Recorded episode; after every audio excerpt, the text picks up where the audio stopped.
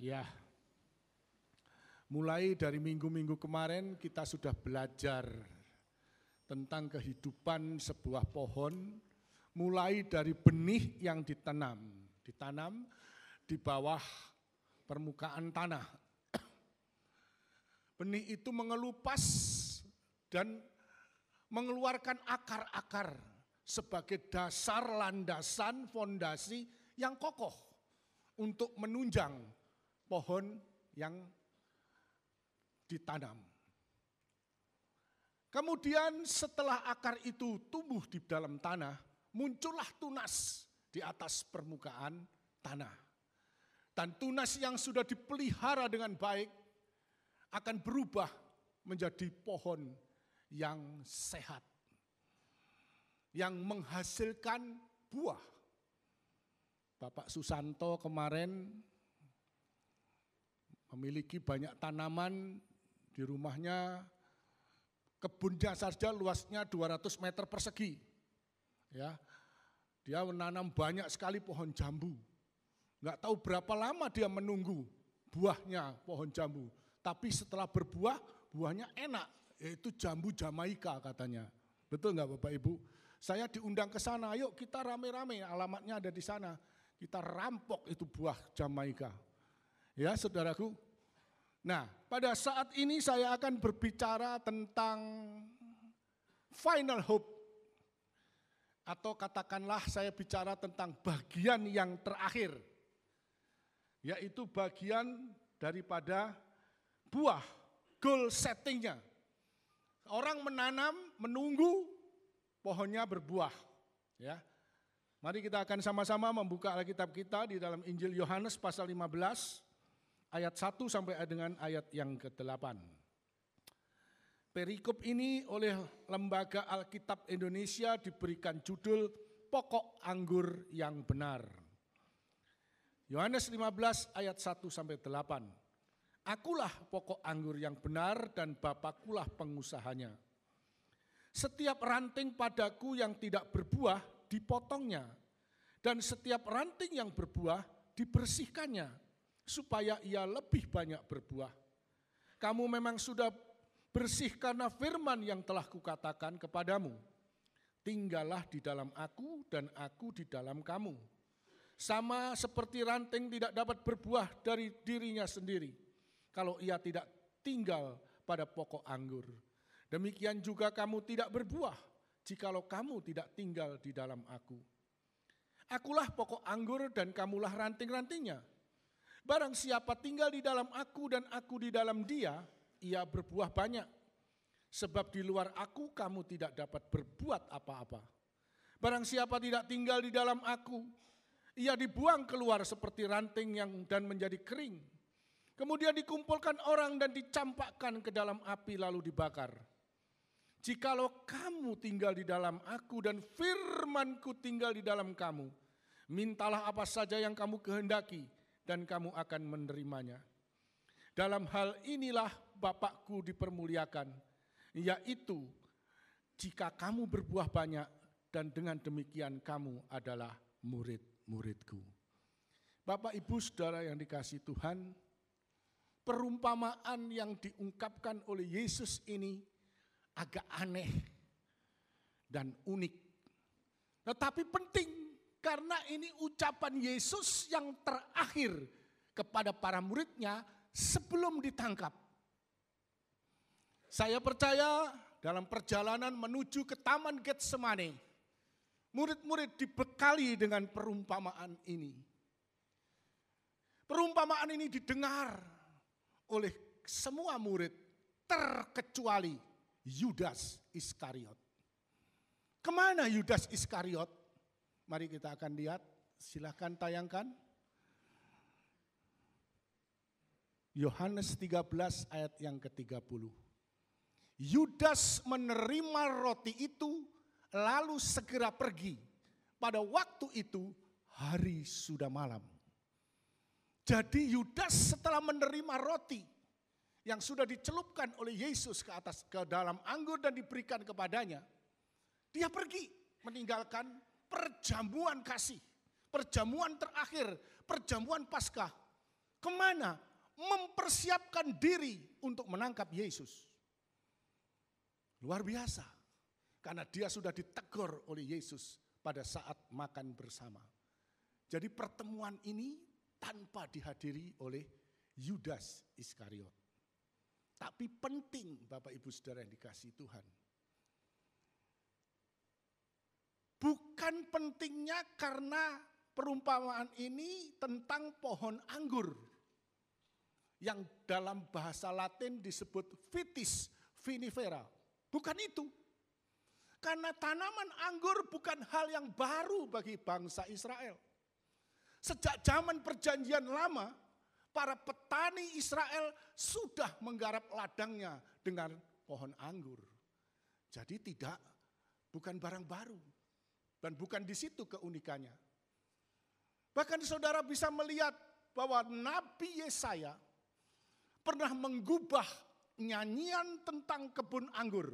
Nanti saudara baca di dalam Yesaya pasal 5 ayat 1 sampai ayat yang ketujuh. Yang menggambarkan tentang kekecewaan Allah yang sebenarnya mempromosikan bangsa Israel, khususnya kaum Yehuda, agar mereka boleh menjadi berkat di dalam kebenaran dan produktivitas. Tetapi sayang, buah yang sudah dipupuk, buah yang sudah diurus di tepi bukit yang bagus keadaannya, panoramanya, bukitnya begitu subur, tapi buahnya masam. Ini satu gambaran kekecewaan Tuhan. Bangsa Israel khususnya Yehuda bukan jadi berkat tapi jadi batu sandungan. Allah merindukan akan keadilan. Tapi apa yang dibuat oleh bangsa Israel? Kelaliman. Allah merindukan kebenaran. Apa yang dilakukan oleh orang-orang Yehuda? Kegaduhan dan keonaran. Oleh sebab itu Allah membinasakan tanaman tersebut. Nah Bapak Ibu Saudara yang dikasih Tuhan. Di manakah letak uniknya saya berpikir ini bukan perumpamaan, tapi sebuah kiasan atau ilustrasi lah begitu. Karena biasanya saudara kalau baca di dalam keempat Injil, kalau yang namanya perumpamaan Yesus selalu memulai dengan kalimat, hal kerajaan surga adalah titik titik titik titik. Begitu kan? Itu perumpamaan. Hal kerajaan surga adalah titik titik titik titik. Gitu kan? Kemudian ada seorang titik titik titik titik gitu ya. Ada seorang penabur pergi untuk menabur di ladangnya. Nah, itu sebuah perumpamaan. Tapi di sini saudara lihat. Langsung dia katakan, aku adalah pokok anggur yang benar dan bapakkulah pengusahanya. Ada subjek yang langsung dimunculkan tapi disembunyikan objeknya. Jadi bingung para murid subjeknya diangkat, tapi objeknya disembunyikan. Terus ngomong lagi, ranting yang ada padaku, makin bingung para murid untuk mendengarnya. Yesus ini mau ngomong apa? Kok ya subjeknya diangkat? Tetapi siapa dan bagaimana dan apa yang dinamakan dengan ranting itu? Mereka bingung saudaraku. Baru setelah ayat yang kelima, coba tampilkan Yohanes 15 ayat yang kelima. Dia menyingkap objek itu siapa? Akulah pokok anggur dan kamulah, hai para murid, kita semua yang hadir di sini, ranting-ranting itu. Jadi sekarang kalau kita bicara ranting, bicara terhadap diri kita sendiri. Yesus mengungkap akan ilustrasinya, yaitu objeknya. Akulah itu subjek, pokok anggur yang benar. Dan kamulah para murid semua. Ranting-rantingnya. Kita semua yang hadir, ranting-rantingnya. Barang siapa tinggal di dalam aku, dan aku di dalam dia, ia berbuah banyak Sebab di luar aku, kamu tidak dapat berbuat apa-apa. Murid-murid mulai menyadari, mulai serius. Serius untuk apa? Untuk memperhatikan diri mereka masing-masing. Kalau aku sebagai ranting, lalu apa yang menjadi tanggung jawab? Apa yang harus aku perbuat? Saudaraku, Yesus katakan, ranting itu harus menghasilkan buah. Saudara dan saya harus menghasilkan buah. Ini saudaraku, kata saya juga ini adalah final destinasi. Ini adalah goal settingnya. Sebuah pohon harus berbuah. Kalau enggak, seperti Allah, kecewa, marah.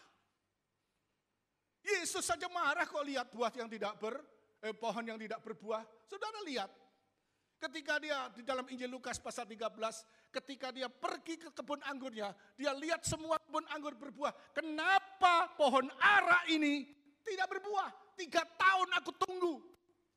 Potong. Yesus marah.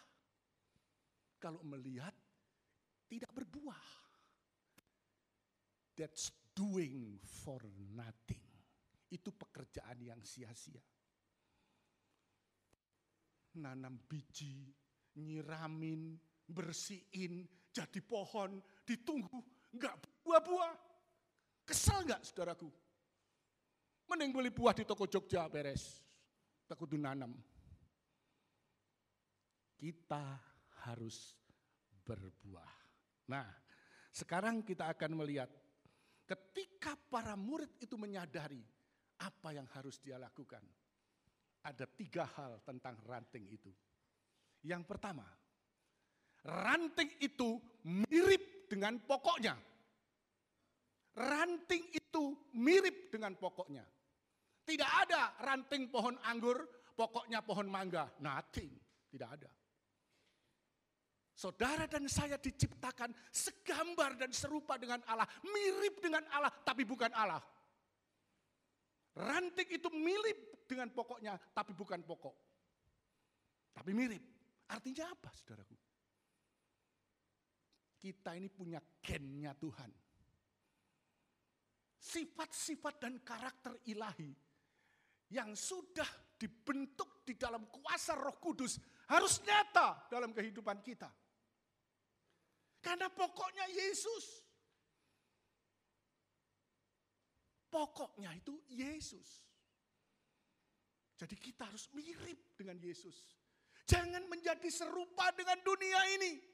Tetapi berubahlah oleh pembaharuan budimu. Sehingga engkau tahu mana yang baik dan tidak baik. Orang Kristen semakin ke sini bukan semakin duniawi, tapi semakin apa? Serupa dengan Kristus. Itu yang pertama. Ranting itu mirip dengan pokoknya. Yang kedua, ranting itu tinggal di dalam pokok. Nah, ini hati-hati. Saudara hati-hati.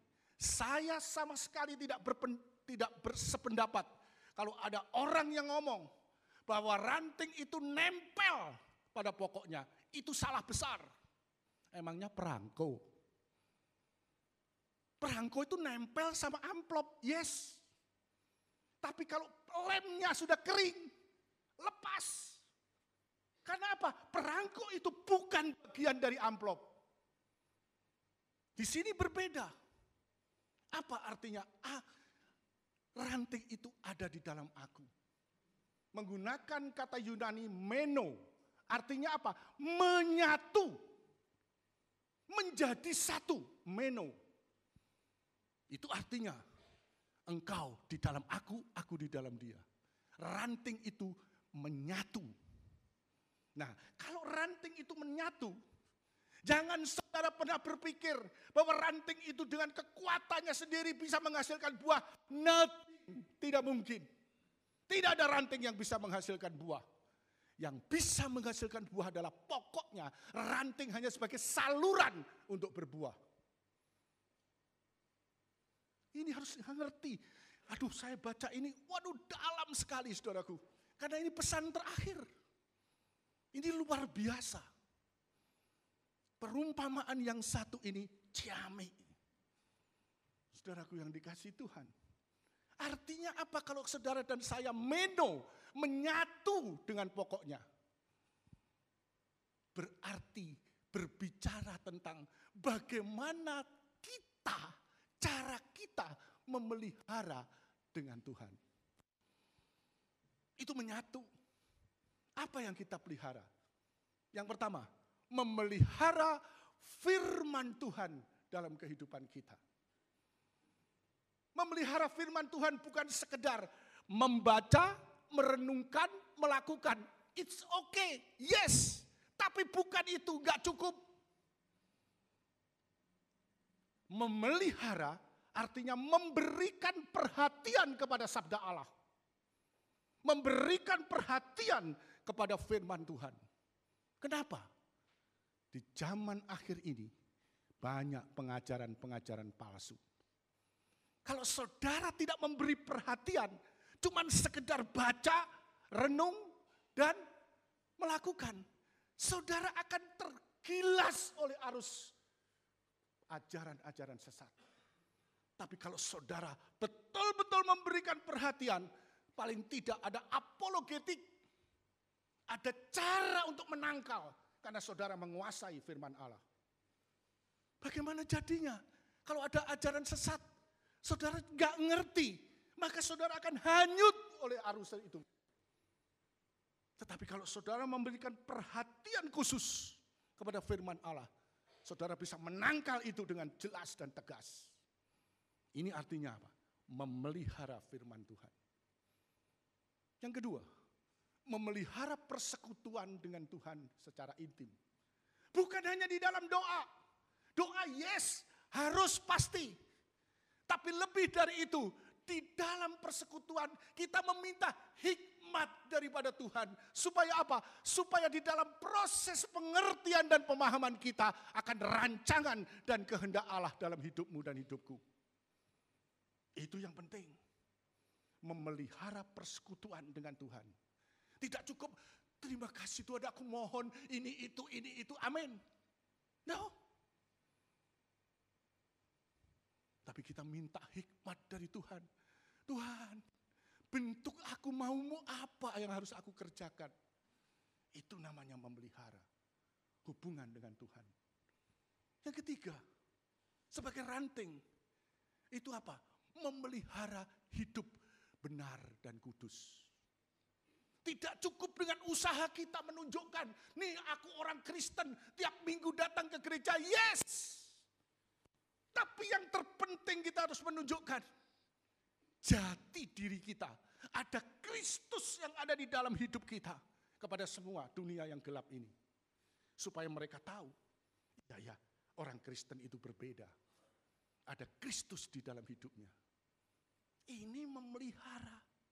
Ini meno, menyatu. Tidak ada satu ranting yang berusaha untuk bisa menghasilkan buah. Kalau tidak disuplai oleh pokok anggur. Yang ketiga, ranting harus menghasilkan buah. Ranting itu harus menghasilkan buah.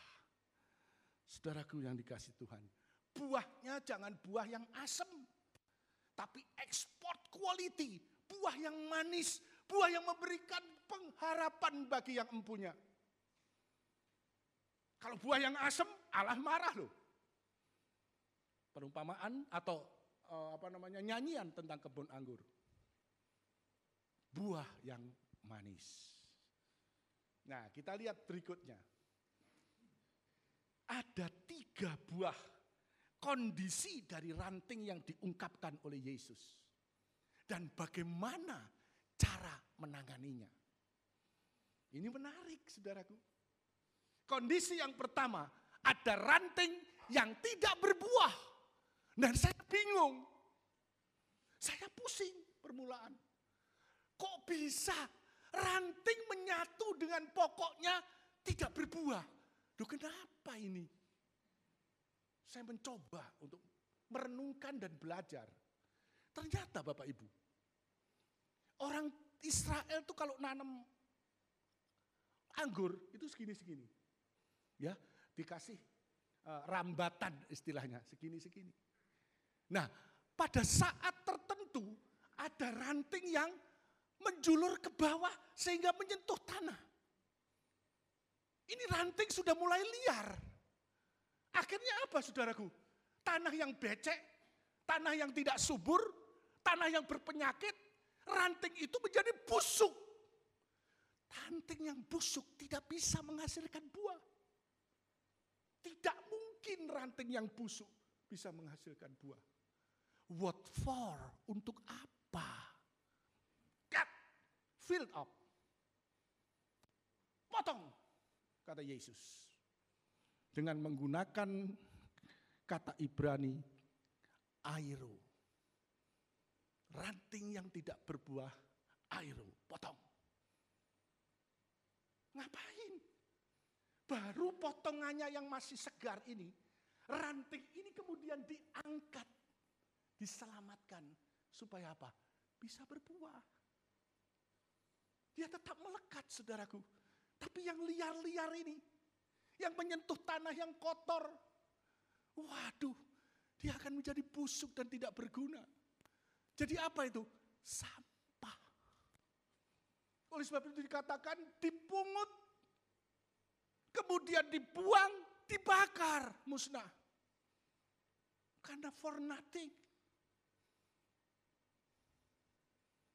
Nah, yang kedua, ranting yang berbuah tapi saetik. Buah nangan saetik. Tidak memenuhi harapan. Berbuah-berbuah, tapi sedikit. Kita nanam pohon hayangna kalau apa namanya panen sebanyak-banyaknya enggak? Ya iyalah, jagung aja bisi dua, bisi tiga. Wah, supaya cepat. Hiji wae tongkolna terus ditungguan. Iraha bengharna. Betul nggak saudaraku? Berbuah tapi saetik. Kenapa berbuah sedikit? Ini harus dilihat. Kenapa ranting itu berbuah cuma sedikit? Jawabnya gampang. Ranting itu tidak sehat. Betul nggak saudaraku? Ranting itu sakit. Ada penghalang. Karena dia nggak bisa berbuah banyak. Kalau rantingnya sehat, pasti berbuah banyak. Rantingnya kering. Sakit. Ada penghalang. Kenapa dia tidak bisa berbuah banyak? Apa penghalangnya? Nah ini.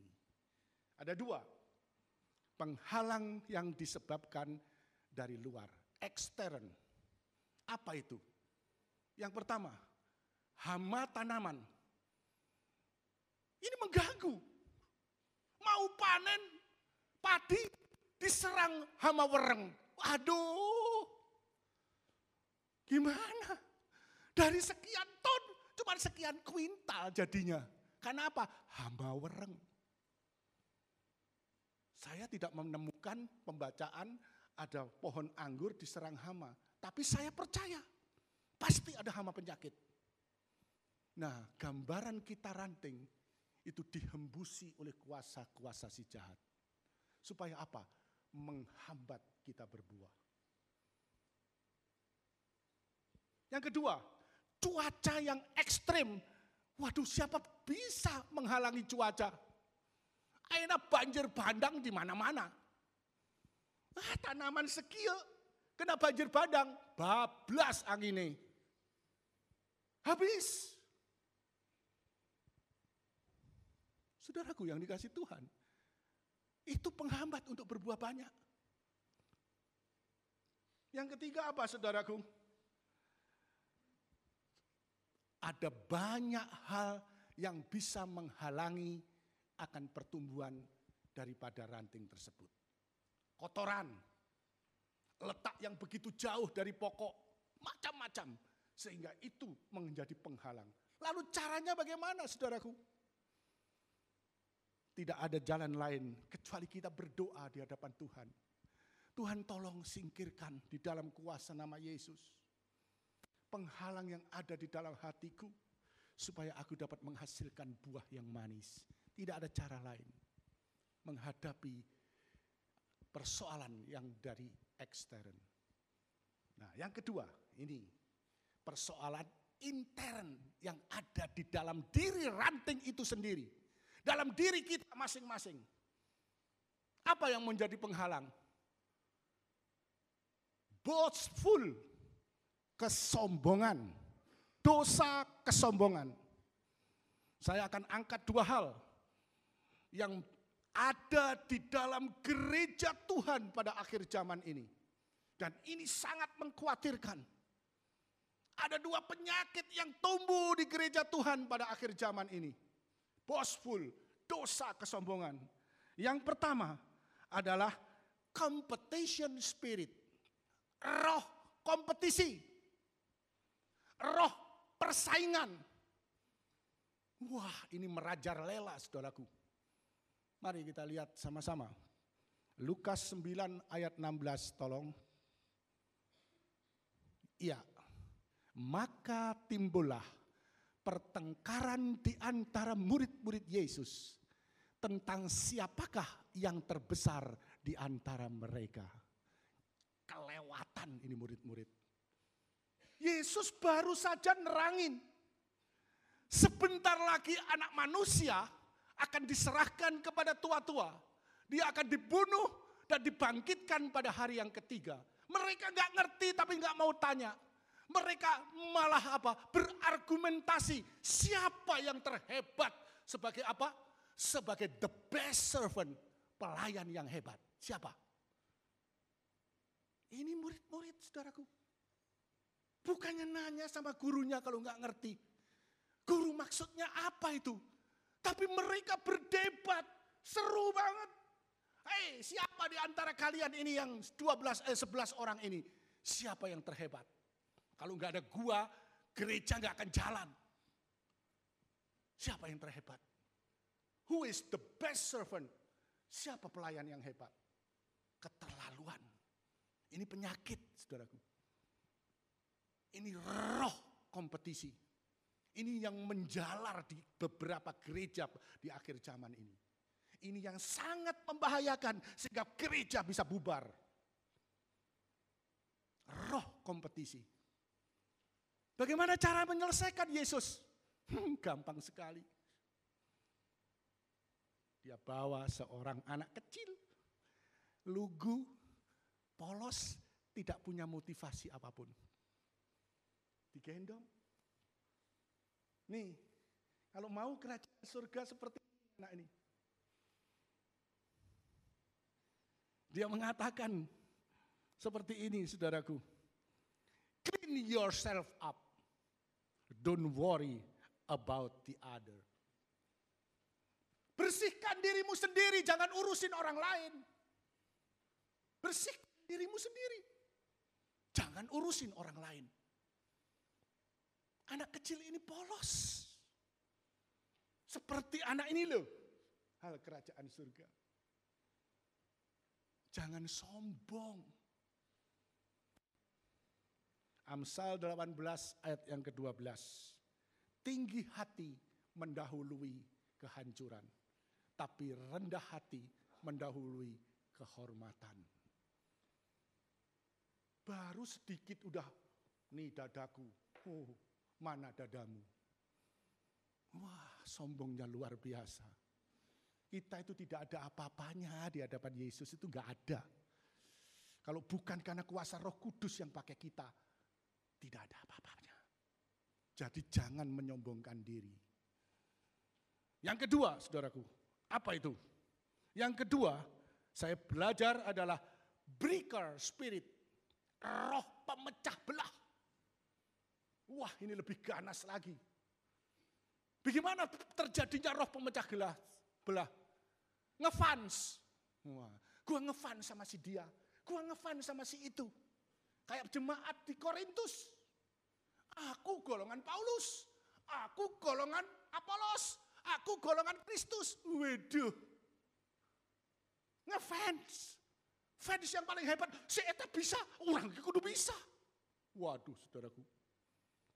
Ini gereja kalau modelnya kayak begini, gak ada berkat.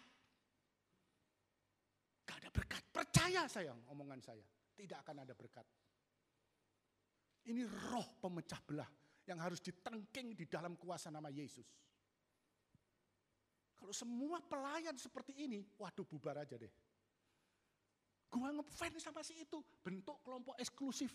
Gua ngefans sama si itu, bentuk lagi. Wah satu sama lain saling begini. Waduh. Jangan terjadi di tempat ini kalau saudara mau berkat. Rendahkanlah dirimu dan tunduk pada otoritas. Kau akan terima berkat. Ini roh pemecah belah, saudaraku, yang akan menyerang gereja Tuhan di zaman akhir ini. Tolong Matius pasal 23 ayat yang ke-12. Ini senjata yang dibuat Yesus. Barang siapa meninggikan diri, ia akan direndahkan. Barang siapa merendahkan diri, dia akan ditinggikan. Luar biasa. Yesus mengatasi dengan cara ini. Menyadarkan para murid Engkau itu enggak ada apa-apanya loh. Engkau itu biasa-biasa saja loh. Sadar. Nah sekarang kita sampai pada ranting yang berbuah lebat dan manis. Nah ini goal settingnya yang saya ngomong tadi. Ini adalah final hope, harapan terakhir sebagai pemilik pohon berbuah lebat dan manis. Bagaimana caranya saudaraku? Ada dua hal yang saya angkat. Yang pertama, kehidupan orang Kristen yang dewasa secara rohani. Artinya apa? Imannya bertumbuh, takut akan Tuhan, mengasihi dia lebih dari segalanya, dan menjadi berkat di dalam kehidupannya bagi kemuliaan Tuhan. Ini pasti berbuah manis. Setahun yang lalu, tepatnya di bulan April, saya diberi kesempatan bersama dengan istri melayani di Los Angeles, Amerika Serikat. Saya menginap di salah seorang pengerja gereja ICC. Dia yang mengatur semua pelayanan saya selama dua minggu di Los Angeles. Nah, orang ini sangat suka sekali memberi tumpangan kepada hamba Tuhan. Dan hobinya adalah main bulu tangkis. Ketika hari Rabu atau Kamis saya sudah lupa. Dia main badminton. Saya dan istri beserta dengan istrinya. Yang hari Rabu itu masuk siang. Ngobrol di ruangan makan. Saya sangat diberkati dan terkesan oleh karena kesaksiannya. Seorang wanita biasa dari Semarang, tetapi memiliki satu kesaksian yang dahsyat, menghasilkan buah yang manis. Dia bicara, Pak Eko, ketika pertama kali setelah menikah, saya langsung dibawa oleh suami ke tempat ini Suaminya sudah memiliki satu pekerjaan yang menetap di sebuah pergudangan. Di sana suami istri harus bekerja Bapak Ibu. Kalau enggak, enggak bisa beli rumah. Enggak cukup. Dia waktu di Semarang bekerja di sebuah bank dalam uh, kondisi me mengerjakan tentang pembukuan. Dia melamar di situ ke sebuah bank. Tentunya dengan kemampuan yang ada. Tetapi minusnya, dia tidak bisa sama sekali bahasa Inggris. Tapi dia nekat ketika diwawancarai oleh bosnya. Dia datang. Karena harus, karena panggilan, dia datang. Di depan bos, bosnya ngomong cacecot, cacecot bahasa Inggris dari A sampai Z. Dia cuma bengong. Pak Eko, saya nggak ngerti apa-apa. Sama sekali saya nggak nggak mudeng Pak Eko. Saya itu hidup cuman gandol aja sama Tuhan Yesus. Ya, gandol isinya apa? Bersandar kepada Tuhan. Kalimat yang terakhir dari bosnya. Do you understand? Dia cuma ingatnya kata stand doang. Berdiri. Dia berdiri Bapak Ibu. Baru itu ngerti naon. Berdiri di hadapan bosnya. Bagi dia, aduh saya bisanya cuma begini. Tapi Tuhan itu ajaib. Dia membuat bosnya itu terkagum-kagum. Waduh orang Indonesia benar-benar sopan. Dia menghargai saya. Padahal tengarti nanaon itu teh.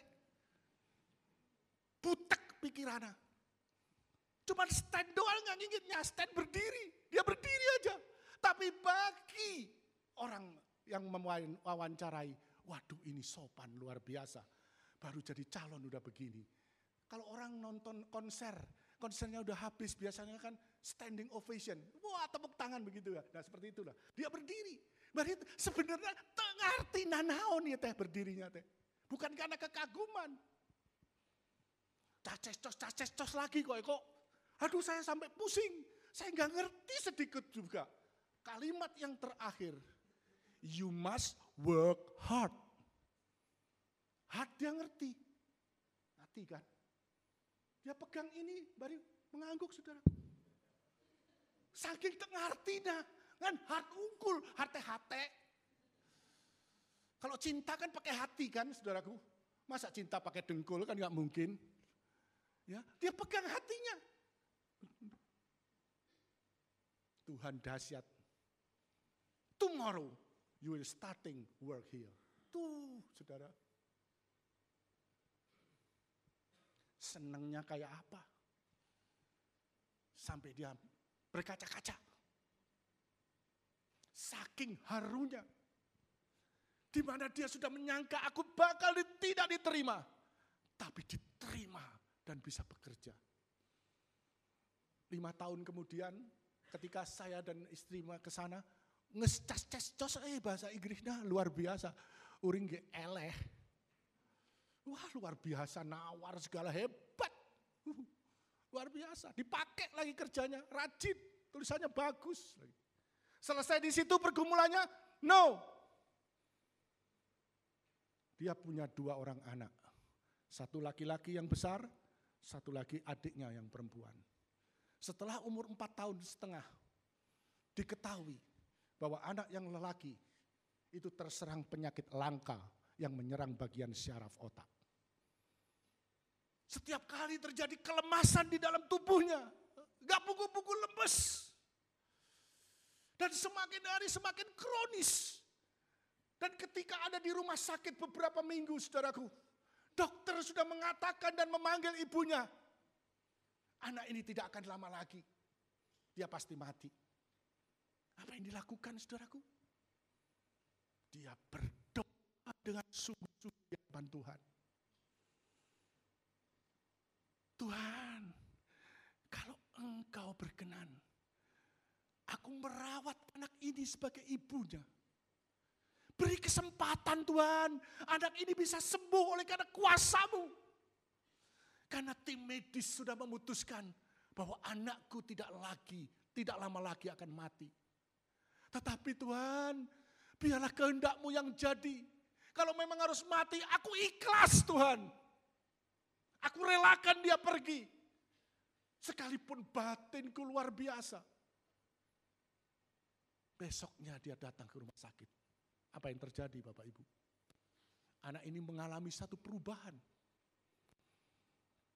Dia wajahnya menjadi merah cerah, tadinya pucat. Dia bisa tersenyum ketika ibunya datang. Dan yang luar biasa hari-hari selanjutnya, satu bulan kemudian perubahan signifikan terjadi, anak ini sembuh. Dokter sampai gereng-gereng kepala. Ini mujizat yang luar biasa. Di saat yang mengerikan ketika dia sebelum berdoa, sebelahnya dipanggil pulang oleh Tuhan. Bayangin saudaraku, hati seorang mama melihat anaknya dalam kondisi seperti itu. Dan sekarang anak itu sudah SFU kelas 1. Normal, hanya satu yang menjadi kekurangannya. Pita suaranya terganggu. Agak serak-serak basah. Tapi mengikuti pelajaran itu oke. Okay. Mujizat terjadi. Karena apa? Seorang ibu sederhana yang hidupnya bergantung sama Tuhan, takut akan Tuhan. Dia bersaksi menghasilkan satu buah yang manis. Buah yang manis. Yang kedua Bapak Ibu, orang Kristen bisa berbuah. Berbuah lebat dan manis. Kalau dia memiliki sikap kerendahan hati dan taat kepada Tuhan. Saya menganjurkan setiap sidang jemaat di sini, kita menjadi orang-orang Kristen penyu dan bukan orang Kristen hayam. Apa bedanya penyu dan hayam? Secara fisik berbeda. Tapi kita lihat, penyu itu di laut, kalau sudah perutnya penuh dengan telur, maka dia akan pergi ke pantai untuk mencari tempat tempat di dalam satu lubang. Dia gali sendiri. Dan setelah lubang itu tergali, apa yang dilakukannya? Dia bertelur. Satu, dua, tiga, empat, seratus, dua ratus. Dan pada hitungan seratus, kadang-kadang saya melihat air mata keluar dari penyu itu. Dan setelah semuanya beres, dia bertanggung jawab untuk menutup lubang itu supaya tidak diserang oleh predator yang ganas. Barulah setelah lubang itu tertutup, maka dia kembali untuk melanjutkan kehidupannya di laut. Tidak bersuara, tenang. Ini Kristen penyu. Padi semakin tua semakin merunduk. Ada kerendahan hati Jangan jadi Kristen hayam. Di rumah saya di desa, emak saya memelihara satu ekor ayam jago dan dua ekor induk ayam kampung. Waduh saudaraku, begitu ayam ini bertelur satu, petak petok petak petok, waduh gandeng nah, sa RT yang nyaho saudara. Telur dengan hiji. Gandeng pisan. Nah, saya, saya ambil, saya ambil ceplok penyu 200 telur. Tenang, tidak bergeming. Merunduk dengan tenang. Tapi hayam iya, telur hiji se-RT sekampung ngadenge kabeh.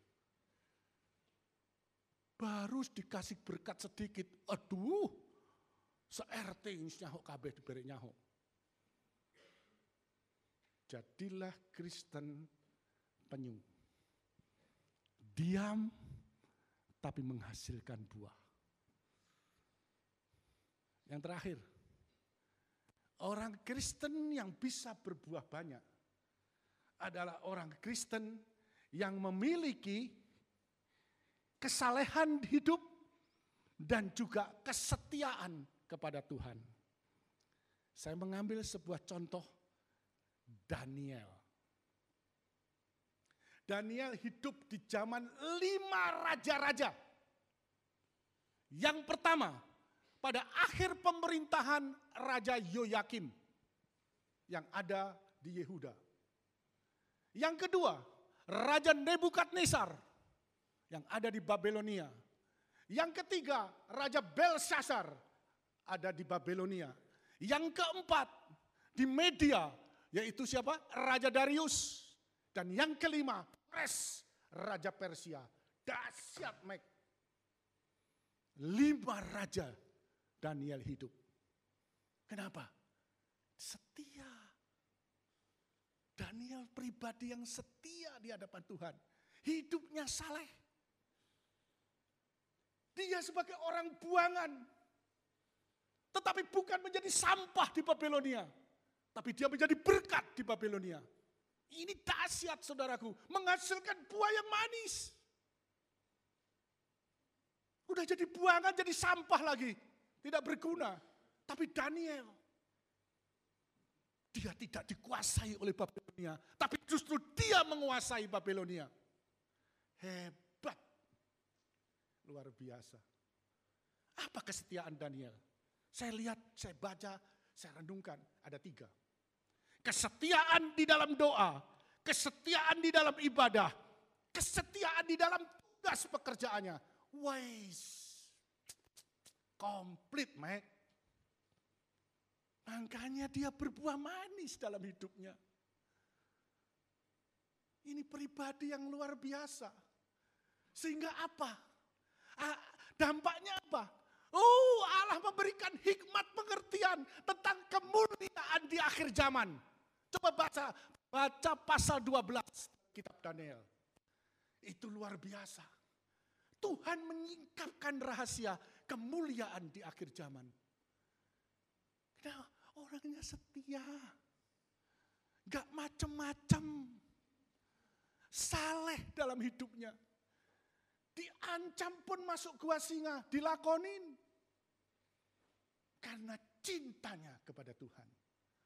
Nah ini loh, orang Kristen yang bisa menghasilkan buah yang lebat dan manis rasanya. Sweet fruit. Ini sasaran yang terakhir. Jangan jadi batu sandungan. Kekristenan adalah sebuah perubahan. Dikatakan di dalam kitab Roma pasal 12, berubahlah oleh pembaharuan budimu. Karena apa? Roh Kudus ada di sini. Memberikan proses ilahi. Supaya karakter-karakter kita yang tidak baik dihapus oleh Tuhan. Berubahlah oleh pembaharuan budimu. Jadi orang Kristen makin ke sini jangan makin duniawi. Tapi jadi orang Kristen makin ke sini makin serupa dengan Yesus. Sehingga engkau bisa menghasilkan buah yang lebat dan manis rasanya. Buah yang manis itu dicari orang. Buah yang manis itu bisa diekspor dan harganya luar biasa. Tapi buah yang asam sekali dicoba nehi dibuang. Nehi Istri saya sudah pengalaman itu buah anggur. Saya kalah saudaraku. Saya ngomong yang ini, jangan. Yang ini. Benar setelah dibeli, oh manis eh, di rumah. Sedangkan yang itu dibeli sama anak saya, hmm, kecut. Saudaraku, jadi orang Kristen adalah suatu perubahan. Change. Jadi mari kita sama-sama kita belajar dengan luar biasa tentang perumpamaan ini. Ini sangat penting dan kaya akan arti rohani. Karena ini ucapan terakhir dari Yesus. Setelah itu dia ditangkap. Mari Bapak Ibu. Kita sama-sama sebagai ranting. Melakukan tugas kita. Untuk apa? Menghasilkan buah bagi hormat dan kemuliaan Tuhan. Tuhan Yesus memberkati kita.